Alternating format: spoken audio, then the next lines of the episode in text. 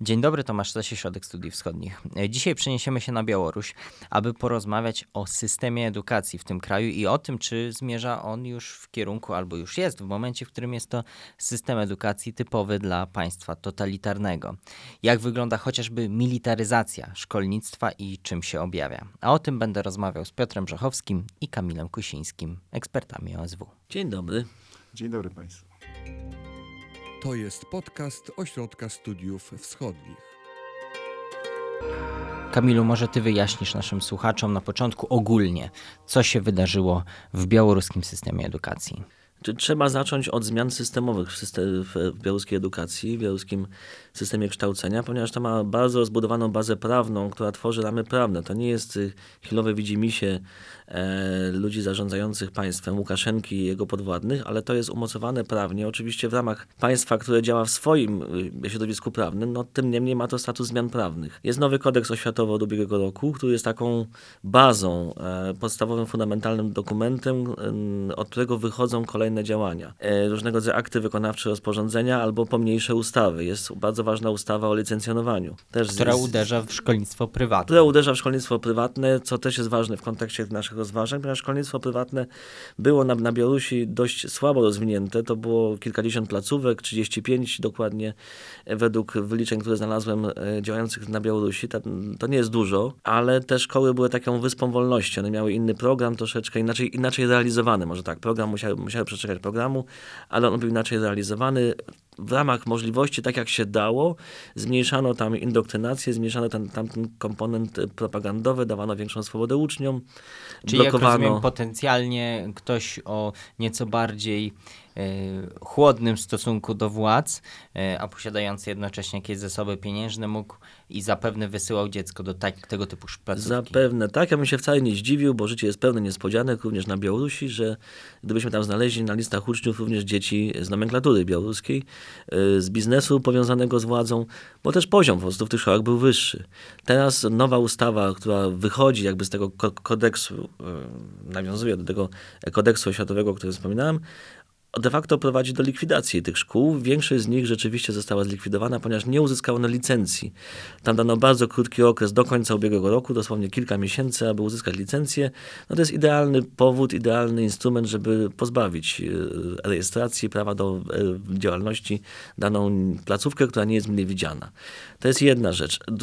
Druga rzecz to jest nowy standard szkolny, kolejny dokument wykonawczy wprowadzony też w nawiązaniu do kodeksu oświatowego, który wprowadza nie tylko obowiązkowe mundurki szkolne, ale tam mają jakiś okres przejściowy, to będzie wszystko do następnego roku szkolnego, czyli do września tego roku wprowadzane z tego, co, z tego, co rozumiem, ale też y, wszyscy się obawiają, wszyscy, którzy krytycznie myślą, są tacy jeszcze na Białorusi, krytycznie o tym piszą, obawiają się, że kontakt nauczyciela z rodzicem będzie osłabiony jeszcze bardziej niż jest obecnie. Że ta szkoła będzie bardziej hermetyczna, powiązana z państwem, a nie z rodzicami.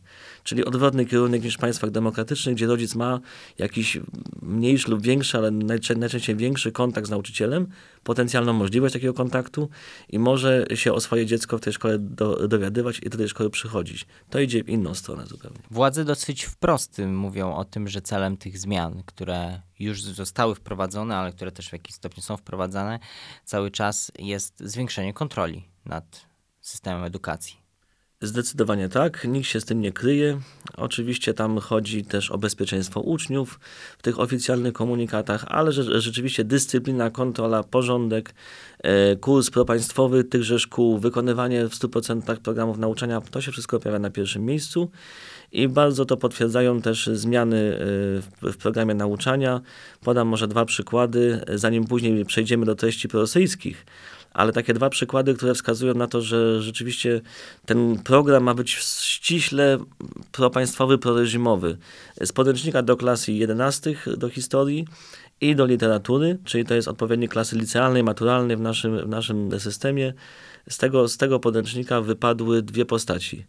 Swietlana Aleksiejewicz, białoruska noblistka, pisarka, która poparła protesty w 2020 roku, weszła w skład Rady Koordynacyjnej Opozycji i tej pisarki tam w tym podręczniku nie ma.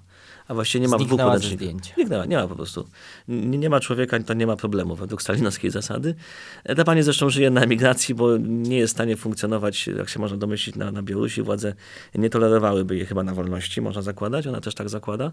I zniknął również już świętej pamięci Stanisław Szuszkiewicz, szef, przewodniczący Rady Najwyższej, nieformalna głowa państwa człowiek, który podpisał porozumienia białowieskie w 1991 roku, czyli uczestniczył w rozwiązaniu Związku Radzieckiego, w likwidacji tego tworu i który również zawsze po, popierał wszelkie protesty, był w opozycji wobec Łukaszenki, był przez Łukaszenkę na różne sposoby szykanowany, a ostatnią taką Więcej- pośmiertną szykaną jest usunięcie go z podręcznika. Tak, więcej na temat Szuszkiewicza, ale też e, generalnie tej najnowszej historii Białorusi można posłuchać, obejrzeć w naszym filmie, który przygotowaliśmy na temat e, właśnie historii Białorusi po upadku ZSRR. E, Ten film e, podlinkujemy w opisie. Mm, A co edukacja białoruska ta oficjalna mówi o państwo, symbolach państwowych, tych biało-czerwono-białych? tej flagi, do której odwołuje się opozycja, która kiedyś była także flagą i także w tym kontekście mówię o herbie, to były także symbole Białorusi.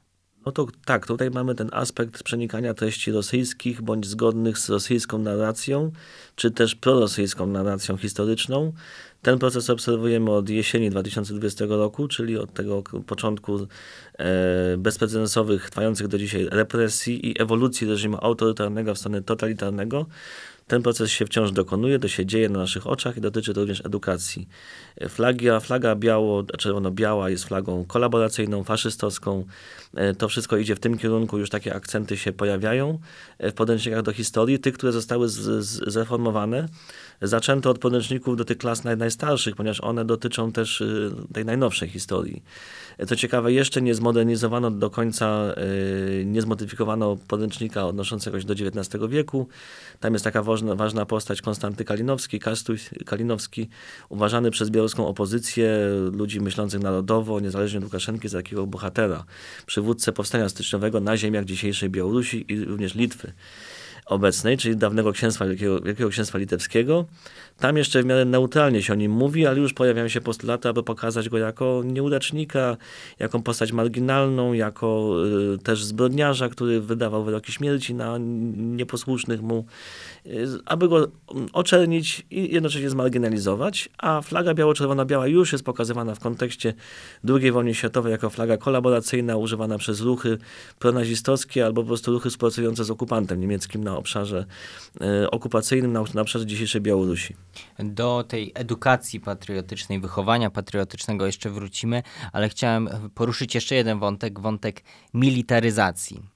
O tym mówicie, o tym piszecie w komentarzu, który, który jeszcze się ukaże, ale też gdy się ukaże, podlinkujemy go również e, w opisie, gdy już będzie opublikowany, ale ten, ten wątek się też tam pojawia. Militaryzacja wychowania. O co chodzi?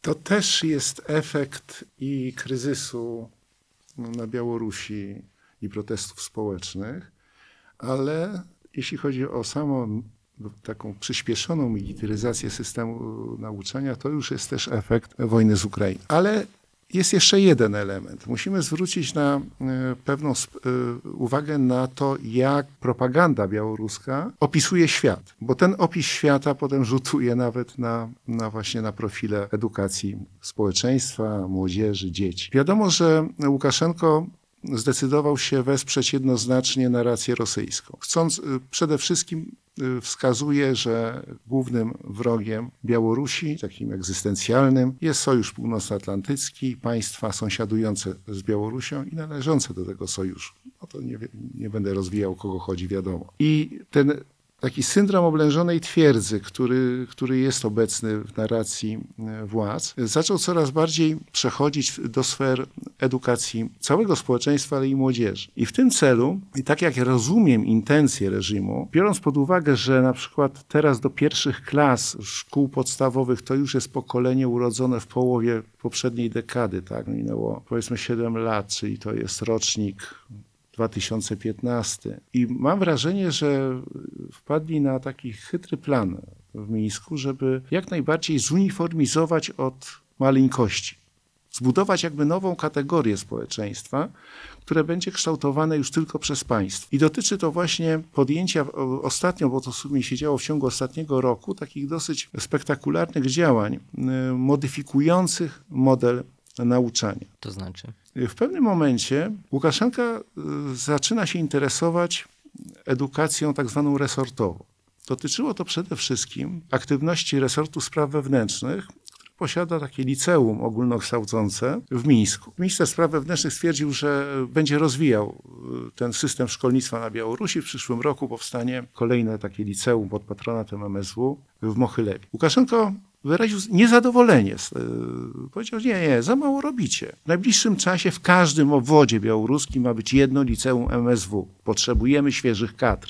Te licea mają docelowo kształcić funkcjonariuszy, czy to Tak, to, szerzej idzie? y, tak, te licea są sprofilowane. To jest pewien taki zamysł szeroki, który ma właśnie realizować MSW, ale również Ministerstwo Obrony, że już od wieku powiedzmy 9 lat profilować dzieci do służby w armii lub organach bezpieczeństwa. Jest to typowe, po- bardzo podobne rozwiązanie, które funkcjonuje w Rosji. Tam oczywiście Rosja jest większa, więc to, to, to funkcjonuje na większą skalę. Ale y, tego nie ukrywają y, władze. Tak, my musimy budować nowe kadry sił bezpieczeństwa, ponieważ Białoruś jest zagrożona, a każdy obywatel jest zobowiązany, zobowiązany do obrony y, państwa. Czy dziecko zostanie posłane do tej szkoły?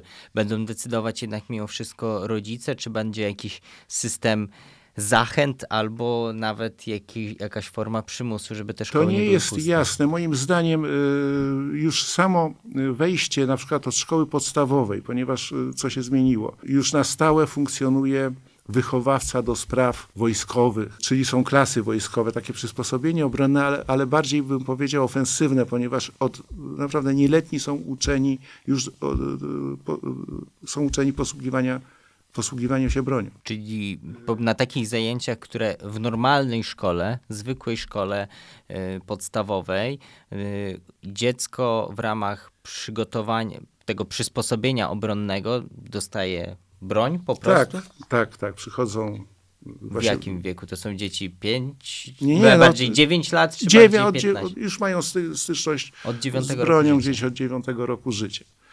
Y, I to, co się stało w zeszłym roku, ale to było już organizowane pod, również pod, pod patronatem Sił Zbrojnych, latem zorganizowano na Białorusi, y, latem zeszłego roku, tak zwane obozy wychowania patriotycznego latem.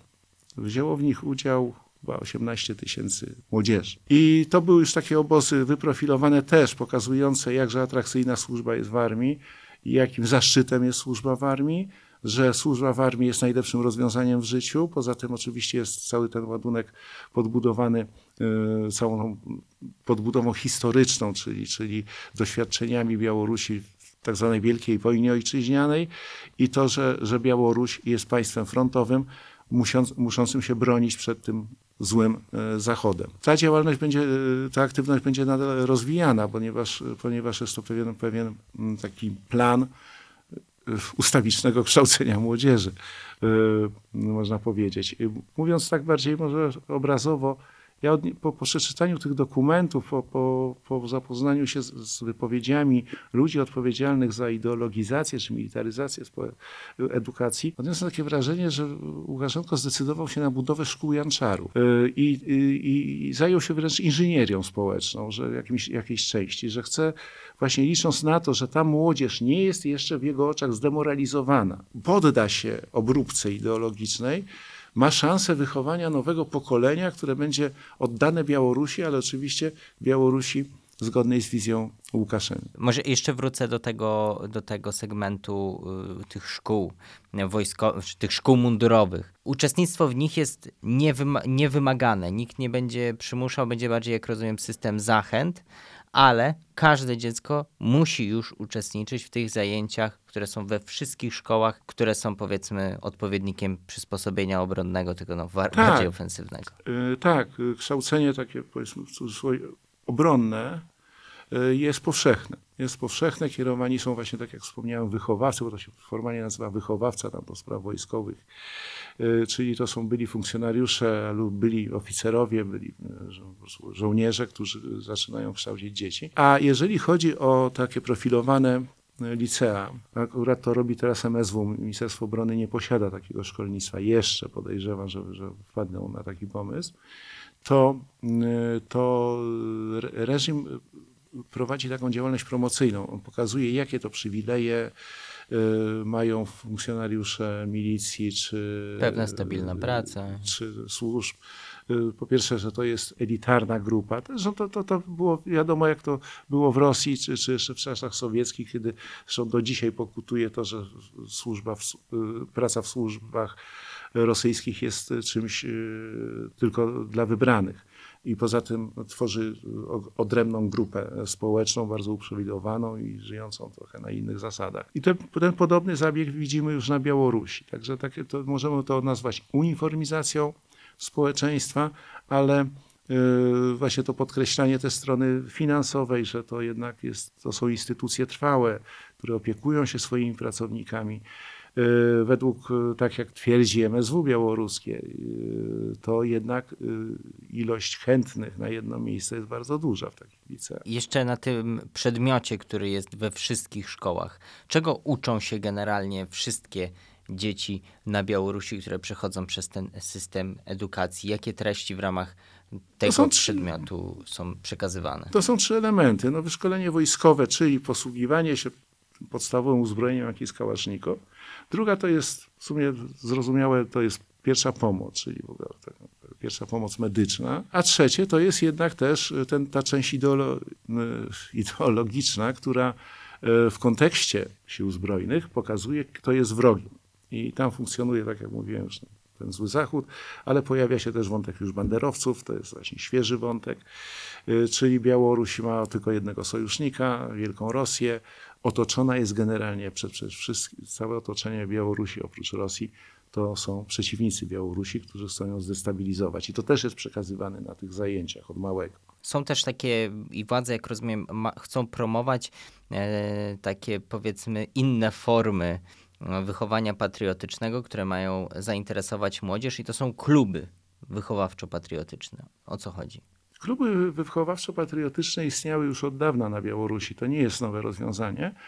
Y, To chodzi tylko y, o to, że Łukaszenko naraz zwrócił uwagę, wydając zresztą stosowny dekret, że one powinny działać bardziej aktywnie. W oparciu o każdą jednostkę wojskową, wojsk wewnętrznych, powstaje taki klub. Y, Może to przypominać formę działalności podobnej, jak, jaką w Rosji spełnia tak zwana junarmia, młoda armia. Tylko w Film o tym także przygotowaliśmy, zostawimy kolejny link już w Y, opisie. Tylko w Rosji jest to już bardziej uregulowane. Tutaj, y, tutaj na razie jest to etap taki niedozor... No nie, po pierwsze, nie powołano na Białorusi odpowiednika Junar. Nie, nie ma takiej organizacji.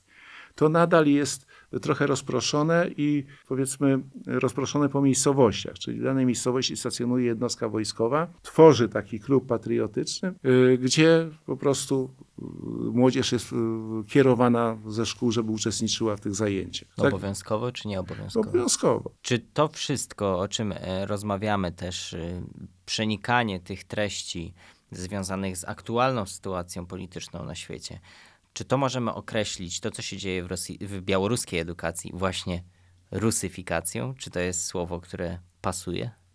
Tak trąci to trochę XIX wiekiem, walką z rusyfikacją, z germanizacją, możemy sobie dopowiedzieć jeszcze z zaboru pruskiego. To oczywiście jest inna epoka, ale niektóre rzeczy wracają.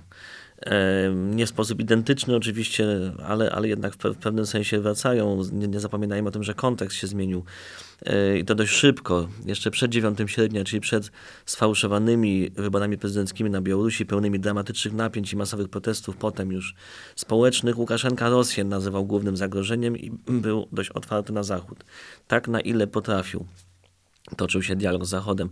Po 9 sierpnia, gdy Zachód zaczął nakładać sankcje i krytykować brutalne represje, tortury wobec y, demonstrantów i zwrot Białorusi właśnie w stronę to- totalitaryzmu, Rosja stała się głównym przyjacielem. Zresztą takie rzeczy zdarzały się wcześniej, ale ten zwrot tutaj był bardzo, bardzo, bardzo radykalny i on jest trwały.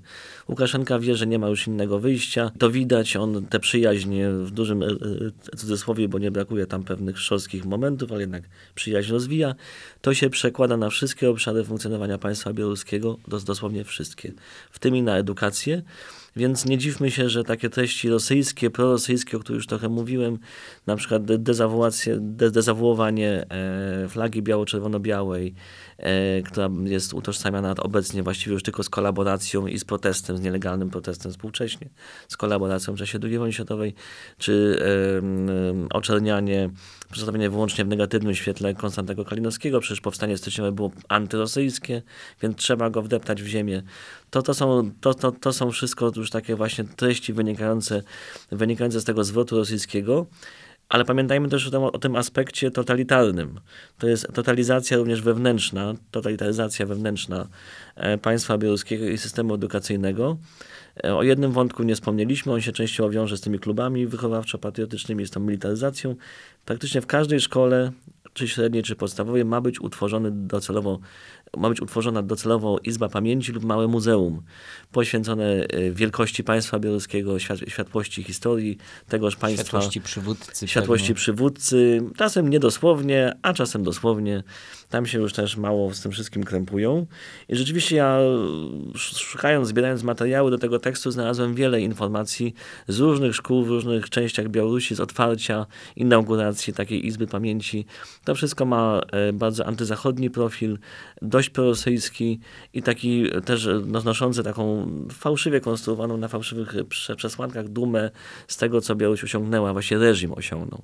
Czyli mocna gospodarka, czyli to, że nie, nie daliśmy się sprywatyzować, to, że funkcjonujemy, że, że przetrwaliśmy. Ten rok zresztą, 2023, Łukaszenka ogłosił rokiem pokoju i tworzenia, pokoju i budowania, to można różnie tłumaczyć z rosyjskiego.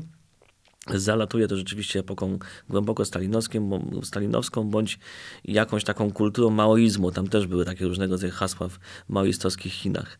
Takie miałem skojarzenia, kiedy o tym pisałem. I powiem szczerze też już anegdotycznie, że sam w trakcie pisania zacząłem używać już tego typu pojęć, na przykład e, władze w e, odpowiedzi na wyzwania zewnętrzne rozwinęły aktywne działania na odcinku pracy z młodzieżą. No, człowiek, człowiek po prostu już przenika e, tą specyfiką i łapiąc się na tym zorientowałem się, jak daleko sprawy zaszły na Białorusi. Jak ten kraj stał się, staje się na naszych oczach niestety coraz bardziej totalitarny, również w edukacji. Ale czy to jest y, coraz bardziej, czy to już możemy określić jako system edukacji państwa totalitarnego? Ja jeszcze coś chciałbym dodać, jeżeli y, mówiliśmy o militaryzacji. Chciałbym zwrócić uwagę na takie dwa elementy. Powróci, powróćmy jeszcze raz do, do kwestii nauczycieli e, w szkołach, bo y, pytałeś wcześniej, y, jak się ten program nazywa. Teraz sobie przypomniałem, że dokładnie wychowawca do spraw oświaty wojskowo-patriotycznej prowadzi zajęcia, które się nazywają przygotowanie przedpoborowe i medyczne. No to dosyć bezpośrednio Tak, dosyć tak, że generalnie będzie żołnierzem. Więc musztra, strzelnica i tak dalej. Oswajanie też. Ale co, i, ale co jeszcze? Chodzi o to, że y, ci ludzie, którzy mają zajmować się wychowaniem patriotycznym, będą prześwietlani. To Łukaszenko powiedział sam pan prezydent, że patriotę może uczyć tylko patriota. Także to też po- pokazuje, że kadry są dostosowywane, mają być pewne i tam, żeby nic nie przemycali na tych zajęciach wrażego. I co, co już jest potwierdzeniem mówienia o tym, że, że, że Białoruś trochę zmierza do, do, do, do, do tych rozwiązań sowieckich, to jest pomysł sekretarza Rady Bezpieczeństwa Wołfowicza, który otwarcie powiedział, przywróćmy te zasady dla studentów, które obowiązywały w Związku Sowieckim, czyli najpierw rok służby wojskowej, a dopiero potem studia. Więc po pierwsze anachronizm, anachronizm, znaczy generalnie no, powrót do takich starych wzorców, nic nowego. Modyfikujemy, no bo świat się trochę zmienił, ale generalnie jeżeli patrzymy na rozwiązania systemowe, organizacyjne, Ja bym tylko dodał, że to, odpowiadając na, na twoje pytanie, że to jednak jest jeszcze proces. Też na przykładzie tej Junarmii, o, o czym Piotr wspominał, widzimy, że to nie są dokończone modele, dokończone rozwiązania. No z tym obowiązkowym rokiem służby. Tak, to dopiero projekt. studiami. Dopiero projekt. Młodzież z pewnością jest zachwycona. Możemy sobie wyobrazić, jak to jest omawiane na różnych forach i na różnych imprezach, już poza internetem. Natomiast y, widać, że oni zaczęli, że oni zaczęli i to, jeśli chodzi o zmiany prawne, zaczęli w zeszłym roku. Są to sprawy dość świeże. Te wszystkie ustawy, rozporządzenia, o których mówimy, one zaczęły wchodzić w życie jesienią ubiegłego roku. Więc jest to realizowane, wdrażane obecnie, ale widzimy kierunek, tak? No, kierunek jest ewidentnie mm, totalitarny. Jeszcze dwa, trzy lata temu E, Na Białorusi były gigantyczne protesty przeciwko władzy, były wybory, które no, ciężko oszacować nam ich prawdziwy wynik, ale wiele wskazuje na to, że co najmniej powinna się odbyć druga tura wyborów, to znaczy te poparcie dla Łukaszenki, e, no przynajmniej trudno je określić, no ale to nie było tak, że cała Białoruś popierała Łukaszenkę, wprost przeciwnie, widzieliśmy protesty nie tylko w Mińsku, ale w całym kraju. I zastanawiam się, jak teraz to społeczeństwo, owszem, wiele osób wyjechało, ale ci, którzy zostali, jak oni na to reagują? Czy Nie jest ma- jakiś ruch protestu wobec, wokół tych nie, zmian? protestu nie ma, ludzie nie, nie wyszli na ulicę i w tej sprawie i w innych sprawach i nie potępiajmy ich za to i nie oczekujmy cudów. Ludzie są zastraszeni, chcą przetrwać. Reżim represyjny to już wychodzi poza ramy tego tekstu, o którym mówimy tutaj, tego tematu edukacyjnego, to jest całość. Reżim represyjny, opresyjny jest udoskonalany z każdym miesiącem w sensie w kierunku okrucieństwa i takiej dokładności, a nawet przesadnej do dokładności i prewencji również, takiej totalitarnej prewencji. Sprawdzania ludzi na wyrost, kontrolowania sieci, kontrolowania komórek, i tego, kto jest subskrybentem jakiego kanału i w jakiej sieci społecznościowej. To wszystko naprawdę osiąga olbrzymie rozmiary. Y, To też wynika z tego, że, że pewnie służby, taka ogólna logika jest, chcą udowadniać swoją przydatność i rozbudowane etaty. To już jest taki system, który się sam, sam sobą żywi i sam, i sam napędza. E, O tym też pisaliśmy w naszym tekście, który się ukazał niedawno na stronach ośrodka, o zmianach w elitach władzy i w tym również w sektorze siłowym. Także to też było wspomniane i szerzej tam jest opisane, odsyłamy do tego e, tekstu. To już czwarty To link, już ale tak. będzie. No, to będzie tekst bardzo podlinkowany, Tak jest. co ma swoje plusy. Więc, więc y, ludzie po prostu nie protestują. No cóż, usiłują, usiłują wytrwać, przetrwać. Kto ma możliwości i ochotę, wolę, będzie uciekał. Będzie uciekał z Białorusi. E, Nie każdy się na taki krok decyduje, są indywidualne wybory, ale myślę, że e, gdy pomysł generała Wolfowicza zostanie wdrożony, to będziemy widzieli większy ruch wśród młodzieży. Całkowicie zrozumiały. Czyli ta taktyka, strategia Łukaszenki okazuje się skuteczna i może okazać się skuteczna w kontekście młodzieży? Łukaszenko zaczyna grać wojną, znaczy zagrożeniem wojennym. Na dniach podczas spotkań z y, mieszkańcami obwodu y, brzeskiego i homelskiego powiedział, jesteście regionami przyfrontowymi. Co, co ciekawe, podkreślił, że nas to chyba nawet Ukraina nie zaatakuje, ale, ale jednak mamy zagrożenie. Musimy być gotowi na wszystko. Zwrócił to i tam szef KGB dodał oczywiście, że tutaj dywersanci prze- przedostają się przez granicę, destabilizacja państwa za, za chwilę nastąpi i będziemy podejmować ostre działania. To też jest ta część edukacyjna, tak? czyli mówienie, tak, jesteście obszarem przyfrontowym, gramy sprawą bezpieczeństwa, musicie się, musimy się liczyć, że ktoś jednak może nam zrobić krzywdę i we własnym, dobrze rozumianym interesie powinniśmy wspierać władzę, armię, ale również w niej służyć. Ten podcast niestety, jak wiele naszych podcastów, nie ma optymistycznej puenty. Ale chciałbym coś dodać A, jeszcze. to bardzo proszę. Nie wiem, czy Chociaż optymistycznego... wątpię, że będzie optymistyczne. Nie, nie, ale- nie. Tutaj aż, tak, aż takich możliwości nie mam. Natomiast coś realistycznego i lekko optymistycznego. Nie wyobrażajmy sobie, że w ciągu najbliższych lat pojawią się klimaty z północnej Korei, ponieważ Białorusin ma trochę inną mentalność. I to, o czym ja mówiłem, przetrwać, przetrwanie, to jest bardzo ważny czasownik, tudzież rzeczownik. On oznacza brak fanatyzmu. I to jest typowe dla, dla, dla Białorusi. To jest społeczeństwo, które ma dystans do różnego rodzaju idei, ideologii. Po prostu ludzie będą y, tego słuchali, udawali, że słuchają posłusznie, bądź nie wiem, wsłuchiwali się troszeczkę, albo w ogóle nie będą słuchali. Nie, nie będą protestowali otwarcie. Młodzież się będzie tego uczyła, co jest zadane, aby zdać te egzaminy, ale tutaj nie prognozuję pojawienia się realnych, na dużą skalę, masową, przynajmniej w perspektywie roku, dwóch, takich fanatycznych postaw antyzachodnich i prorosyjskich. Będzie typowo białoruski dystans i postawa przetrwania. Dziękuję za tę rozmowę. Dziękuję. Dziękuję bardzo. My słyszymy się w kolejnych odcinkach podcastu Ośrodka Studiów Wschodnich. Ja zachęcam do skorzystania z wszystkich linków, które tutaj wymieniliśmy, e, także do odwiedzenia naszego kanału na YouTube, ale także do odwiedzenia naszego kanału anglojęzycznego, gdyż takowy utworzyliśmy. Ten link także będzie w opisie. Dziękujemy i do usłyszenia w kolejnych odcinkach podcastu Ośrodka Studiów Wschodnich. Wysłuchali Państwo podcastu Ośrodka Studiów Wschodnich. Więcej nagrań można znaleźć na stronie www.osw.waw.pl.